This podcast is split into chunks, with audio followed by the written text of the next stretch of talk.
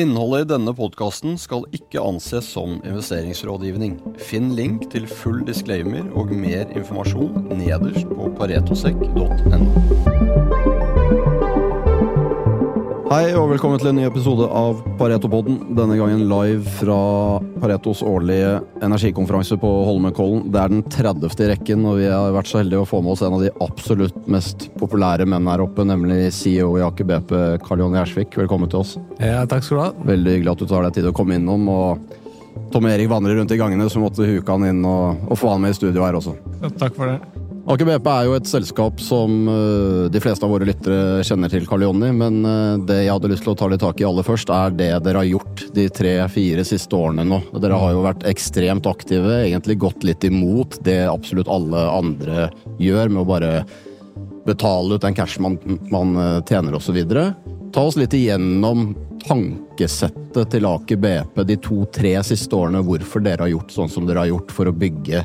Hva ser ut til å, til å bli et ekstremt sterkt fundament inn i fremtiden?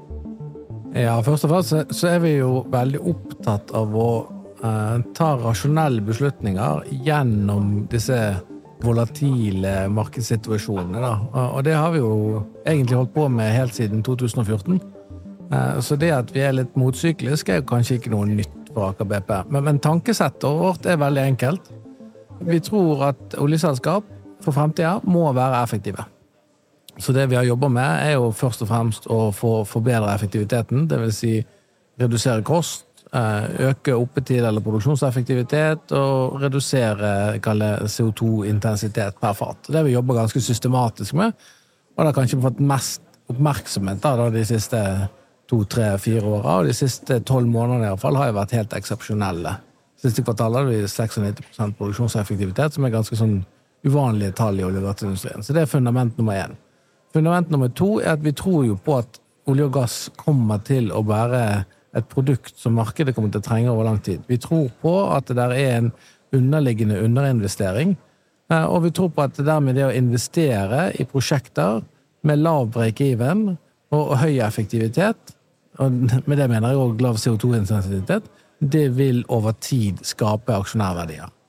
Og så har vi jo, som vi alltid har gjort, vært aktive på M&A-sida, og, der vi så muligheter, i dette tilfellet med Lundin, ja, så gjorde vi en transaksjon som ble verdiskapende både for våre aksjonærer og for Lundin sine aksjonærer, og ikke minst lot oss bygge videre på det industrielle fundamentet vi hadde skapt de tre-fire foregående årene. Så på en måte så kan du si at veldig mye av det vi har gjort, er å fokusere på basics og jobbe helt systematisk med å drive opp effektiviteten og produktiviteten, drive ned kostnaden, og så skape handlingsrom for å anvende den kapabiliteten på nye prosjekter. Tom Erik, du også hadde jo en presentasjon i dag morges, og Christian, vår CEO, var jo også litt inne på det. Men man får jo litt følelsen av når man leser i diverse medium osv. at uh, oljedemand, det er uh, på vei ned. Det er jo langt fra sannheten. Ja, det er jo sånn at det, ser ganske annerledes ut når du ser på tallene enn uh, hva det høres ut som innimellom. Og det er veldig mange Man skulle jo ønske at det var på vei ned, fortere kanskje, enn det det egentlig er i realiteten. Og man må huske at energietterspørsel vokser globalt det blir flere og flere mennesker på kloden, og det er jo de fremvoksende markedene som også driver oljeetterspørselen. Så det har jo vært høyere enn forventa så langt i år, og du har jo sett nye rekorder nå i sommer. òg. så vil det jo bli ganske spesielt, og det er jo litt gøy med, med Aker BP, som da har vært et av få selskaper som har eh, tatt investeringsbeslutning på ganske mange prosjekter, og dermed vil kunne ha organisk vekst i, i egen butikk i ganske mange år framover. Det er jo ikke så mange oljeselskaper i verden som egentlig kommer til å kunne levere det. I hvert fall ikke av de store. Nei, men, men, jeg tror det, det, er to ting som Tom Erik sier som er viktig å få med seg. Det første er at når du skal ta beslutninger av denne typen, så er dataanalyse det tinget. Så jeg er helt enig med deg at eh, hvis du hører på hva som skjer i media, så kan du tenke at dette ikke var spesielt smart. Men når du setter det ned med regnearket, ja, så oppdager du at det er vanskelig å se for seg en det er vanskelig å se for seg en realitet, iallfall de neste fem årene, hvor du får en virkelighet med lange, lave energipriser generelt, i, i min verden. Og det andre er jo at det å huske på at olje og gass er en langsiktig industri. Altså Disse investeringssyklene som vi snakker om, de tar fire, fem, seks, sju år, det. Og det å la seg drive da hva oljeprisen måtte være det foregående kvartalet, eller de neste to kvartalene, ja, da blir du løpende etter hele tida, og til syvende og sist tar du feil beslutning. Et spørsmål rundt oppkjøpet av Lundin som vi toucha litt på tidligere. Aker BP har jo vært kjent for å være en veldig god operatør, og det var jo Lundin også. Hvordan har de menneskene kommet inn i organisasjonen, og hvor mye har det addet på for dere? Dere har jo veldig mange prosjekter som skal leveres framover. Ja, det har vært veldig positivt. Um, så Lundin var en veldig, veldig god operatør. Og det er klart, de var gode på ting som vi kanskje ikke var så gode på, og vi var gode på ting som de kanskje ikke var så gode på. Så, så vi har jo hatt i den integrasjonen en veldig sånn motivasjon at vi skal lære av der vi er best. Så, så, vi har hatt veldig sånn at ok, kan vi gjøre ting annerledes, så gjør vi det annerledes. Og det har jo skapt en veldig stor motivasjon òg ute i på befolkninga. Det andre var jo at eh, Lundin hadde bygd opp et helt unikt miljø. Altså, Den dybden i funksjonell kompetanse som Lundin besatt, den var helt unik. Det var kanskje de beste reservoaringeniørene i bransjen satt eh, på Lysaker, og de fire-fem beste geofysikerne satt definitivt på Lysaker, osv. Sånn. Og inn i Aker BP så får de plutselig et mye større spillerom å anvende sin eh, funksjonelle dybde på. Så det har jo vært en berikelse både for eh, oss som selskap og for de som individer. Ja. Jeg hadde lyst til å spørre deg om eh, er du happy nå i forhold til det som har skjedd. Men klart, du er jo aldri happy, for du ønsker hele tiden å bli bedre. Men nå har vi hatt noen år med en ekstremt volatilitet i, i oljeprisen i forhold til fremtidig M&A, ikke bare på selskapssiden, men også på asset-siden. Hvordan ser det ut der nå? Ja, altså, jeg tror på konsolidering. Jeg tror alt ligger til rette for konsolidering. Um, og det er klart, Jeg pleier jo pleid å fleipe med det at det har ikke vært én dag siden jeg ble ansatt i 2013 at det ikke har vært diskutert M&A i en AKBP, og det er fortsatt sant. Så, så klart vi kikker på alt som måtte bevege seg der ute. Utfordringen akkurat nå er jo at vi har den laveste løftekosten. Vi har den største hopper med prosjekter fremfor oss, med lavest break-even, og vi har lavest CO2-intensitet. Så, så, det er klart at det, det å plukke opp enten asset til selskap og dytte inn i det, da skal du ha en ganske god forståelse av hvordan det genererer merverdi fra aksjonærene våre. For det er liksom prinsipp nummer to. Vi, vi gjør ingenting hvis ikke vi kan tro på at dette genererer merverdi, og det er ofte i form av at enten markedscapen på selskapet øker, kanskje ikke så viktig, men dividende og, må iallfall gå opp, og, og, vi må bli mer finansielt robust. Så, så, um, ja, vi jobber med alt disse tingene her, og jeg tror som sagt at det kommer til å bli en, en konsolidering. Og så skal vi være like disiplinert som vi har vært eh, i den foregående perioden. Vi har jo diskutert det litt om Erik, og du har jo skrevet en del om det i dine analyser. Men når du er ute og snakker med investorer, Karl Jonny, føler du at det dere har gjort de siste to årene i forhold til nettbacken på skatt osv., er det Bruker du mye tid på å forklare investorer effekten av det i forhold til hvordan dere tenker å bygge selskapet? Uh, ja, altså Vi har brukt mye tid på å få investorer generelt til å skjønne den norske skattemodellen. Ja. Uh, og spesielt nå når disse endringene er kommet, så har vi brukt ganske mye tid på å få dem til å forstå hva disse endringene betyr. Eh, i kroner og øre. Altså hva den monetære effekten er på, på bunnlinja i Aker BP.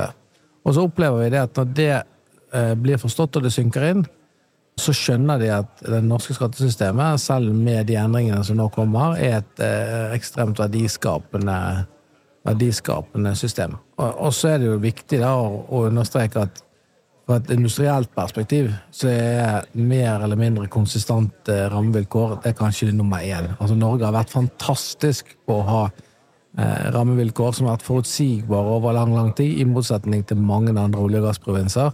Det er utrolig viktig at vi ikke roter det til og kaster vekk en competitive advantage eh, for oss som region, for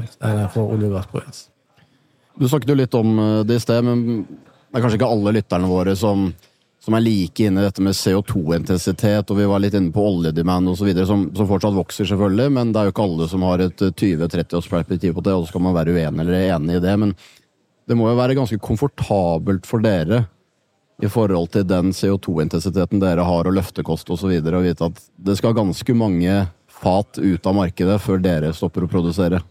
Eh, ja, det tror jeg. Altså, hvis du har det perspektivet, så tror jeg det er vanskelig å se for seg at vi skal slutte å produsere. Det, det tenker jeg ikke så mye på, men, men, at det er noen som halser bak og har lyst til å, å, ta eh, skalpen vår både på kost og på CO2-intensitet, det er det definitivt. Så, så, vi tenker motsatt. Vi, vi, jobber hver eneste dag for å holde oss ahead. Eh, og vi jobber systematisk med forbedring fra topp til bunn i selskapet for å holde den posisjonen. Eh, så jeg tror det er innmari farlig å liksom bli, lene seg litt tilbake igjen og tenke at eh, nå har vi det, det er bra, nå kan vi ta en kopp kaffe til. Det er iallfall en holdning som jeg er ganske sterkt imot og prøver å motarbeide i hele selskapet. Ja, Er det sånn at merker du disse gode tidene i selskapet? Egentlig ikke så mye i selskapet, men jeg merker jo at leverandørene våre er opptatt av å bygge organisasjonen igjen. Uh, mens de tidligere kanskje ikke var så opptatt av å, å bygge organisasjon, fordi de hadde på en måte de folka de hadde, og det var snakk om å bare levere for å komme seg gjennom. Så, så er de nå begynt å løfte blikket og kikke på horisonten igjen, og de har begynt å snakke om hvordan de skal utvikle teknologi, og hvordan de skal bygge organisasjon, og det er nå snakk om å investere igjen for å bygge mer kapasitet osv. Så, videre. så det er en ganske stor endring på relativt kort tid. Hvor viktig eh, tenker du eh, med det høye aktivitetsnivået dere skal ha framover, samtidig som man jo ser starten kanskje på en, en oppsykelig service etter mange år og veldig mye lavere kostnader enn man har hatt før? da. Den partnermodellen dere har, er? Jeg tror faktisk at det er helt fundamentalt. Um, jeg tror både Det helt enkle er jo at det er 400 stykker give take a few, som jobber med prosjekter i Aker BP. Eh, og vi forvalter nå en, en utbyggingsportefølje på drøyt 200 milliarder. Så hadde dette vært et konvensjonelt olje- og gasselskap, så hadde vi hatt eh, noen tusen i prosjekter. Så, så det er helt umulig for oss å drive en konvensjonell modell. Eh, det andre er at det skaper grobunn for ordentlige diskusjoner om pris, schedule og kvalitet, som vi ellers ikke hadde hatt. Så vi har forståelse nå for hva som skjer ned i verdikjeden, helt til nederste nivå. Det, det, skaper en åpenhet og en transparens rundt disse temaene som vi ellers ikke hadde hatt. Og til syvende og sist så håper jeg at det bidrar til eh, mer eh, altså høyere kvalitet og mer on time delivery. Rett og slett fordi vi blir tidligere kjent med om det nå skulle skje, og det skjer det jo i alle prosjekter. Så skjer det jo saker og ting. Så blir vi tidligere kjent med det. Da, da kan vi eh, sette inn kompenserende tiltak og, og redusere konsekvensene av de hendelsene. Så det er jeg vil gå så langt som å si at uh, alliansemodellen for Aker BP sitt prosjektgjennomføringsgrupp, det, um, Vi hadde ikke klart å gjennomføre det uten det. Nei, så I tillegg til effektivisering og alt det der, så ser du også at du da kan gjøre flere prosjekter? Ja, du kan gjøre flere prosjekter, men, men med høyere kvalitet. Mm. Altså, fordi du, en, du ender fundamentalt opp i en situasjon hvor vi og underleverandørene og hovedleverandørene samme type insentiv. Så fundamentalt prinsipp må jo være at når jeg tjener penger, ja, så skal mine leverandører tjene penger. Hvis det skjer noe som gjør at jeg tjener mindre penger, så skal de føle litt av det samme.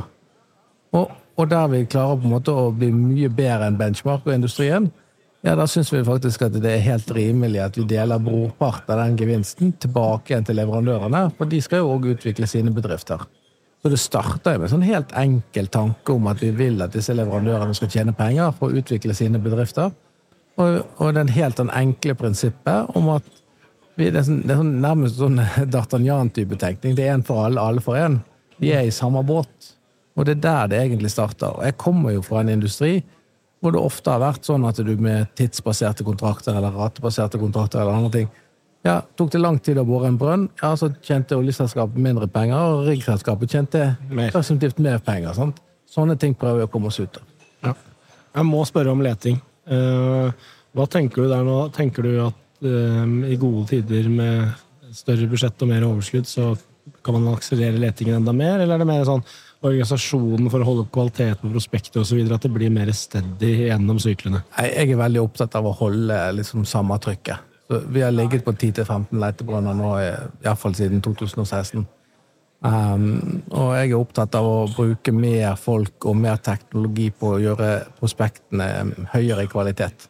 Det å liksom ligge og dra opp og ned på denne typen aktivitet Du får ikke de læreeffektene som du egentlig ønsker deg. Du, du ikke, dette er egentlig til syvende og sist leiting en ekstrem kompetanseøvelse. Og jeg pleier å fleipe litt med at liksom, selv om du er tre mann, så tar en graviditet ni måneder. Det, det, blir liksom ikke Det blir ikke noe særlig mye bedre selv om du hever på mye mer ressurser. Og du risikerer liksom bare å bore dårligere brønner og dårligere prospekter. Men siden eh, noen år tilbake så har du jo dobla produksjonen bare med Lundin. Eh, fått inn sikkert en del letemennesker derfra òg. Betyr det at de 10-15 organisatorisk fort kan bli bli 20, eller er det på en måte greit å ligge på 35? uh, Ja, altså Jeg er ikke så opptatt av antallet brønner. Jeg er opptatt av antallet gode, bårbare prospekter uh, organisasjonen genererer. Uh, og hvis de genererer 30 bårbare prospekter, så skal vi finne måter å bore de på òg. Ja, Men nå har vi nå ligget et sted rundt en sånn 15-20 bårbare prospekter, og så når du da high-grader den porteføljen, så havner du på 10-15 brønner. Det er liksom der vi har ligget. Ja. Det er jo et uh, absolutt relativt ok nivå, det, da, bare for å ha nevnt det. Eh. Ja, vi er vel ca. 20-30% av totalvolumet på norsk sokkel. ja. Du holdt jo en eh, presentasjon foran eh, et full, en fullsatt Saleste, Karl Jonny.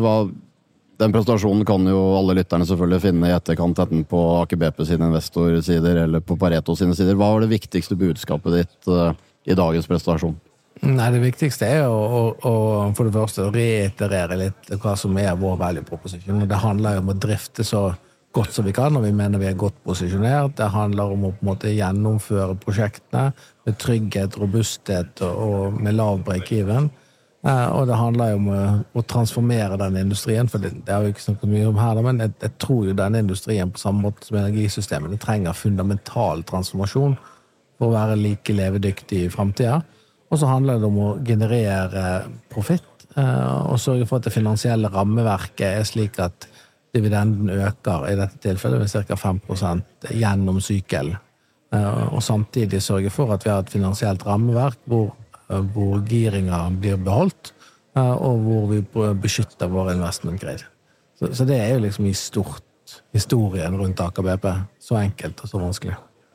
Det virker som dere har funnet en bra balansegang mellom kapitalmarkedets noen ganger kortsiktige fokus og det samtidig å bygge en fundamentalt sterk, effektiv bedrift, medium og, og litt mer langsiktig. Ja, kanskje. Eh, Jeg, tror nok av og til at kapitalmarkedet er mer kortsiktig enn det vi er. Eh, Så det er klart at i perioden fra desember 22 og fremover så ble vi jo litt straffa for, eh, for Capex-fokuset, men nå begynner jo dette på en måte å løsne litt igjen. Men som sagt, jeg har jo litt tro på at gravitasjonen funker. Og så Bygger du en bedrift som leverer resultater og varene over tid, ja, så etter hvert så graviterer jo på en måte investorene òg i den retninga. Ja, Og det har jo vært mitt hovedfokus. Det er jo på en måte ikke å bygge i aksje, men å bygge et selskap. Et selskap som er robust, levedyktig og det mest effektive olje- og gasselskapet på eh, Jeg pleier å fleipe litt, jeg sier si det er på planeten Jorden, men det får vi nå se litt. Trenger ikke være beskjeden her. Ikke når det bare grenser. Nei, nei, det må ikke det. Vi begynner å gå litt tom for tid, men helt sist, når, eh, når Karl Jonny Hersvik går og legger seg på kvelden, har han, hva er det han bekymrer seg for da? Eh, ja, jeg bekymrer meg notorisk for alt mulig rart, så det vokser, våkner jo litt og lurer på hva har skjedd nå. Men nei, jeg mener jo at man eh, Jeg mener jo faktisk genuint at det å, å være bekymra for ting er et godt startpunkt istedenfor å være content. Eh, nei, jeg bekymrer meg for ting som måte vi kan, ikke kan påvirke, så bekymrer jeg meg for liksom volatiliteten i, spesielt i leverandørspacet. Altså Det at ting flytter seg så fort, er vanskelig. Jeg ser det er vanskelig for våre leverandører å forholde seg til.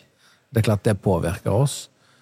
Eh, Det samme egentlig rundt eh, fundamentale prisøkninger, geopolitiske eventer. Selv om vi jobber liksom målrettet med å redusere konsekvensen, ikke risikoen, men konsekvensen av denne typen hendelser, så er det klart det er litt eh, restrisiko der òg, som det er for alle andre olje- En. Ting som vi, kan påvirke, så er jeg jo ekstremt opptatt av at vi skal ha en, et bedrift hvor folk trives å jobbe. At det er høyt under taket, kort opp til ledelsen, eh, og at vi er liksom ordentlig grounda. Er Litt sånn, litt sånn allergisk mot eh, tendenser til byråkratisering og, og den typen temaer, som ofte skjer når selskaper blir større, og, også i Aker BP. Så og så vil jo noen påstå at jeg er kronisk bekymra. Det kan jo hende at det er riktig, men jeg har jo en tendens til det, da. Det kan jo være en fin ting eh, med den mengden utbyggingsprosjekter man har gående framover, å være litt ekstra, ekstra på ballen.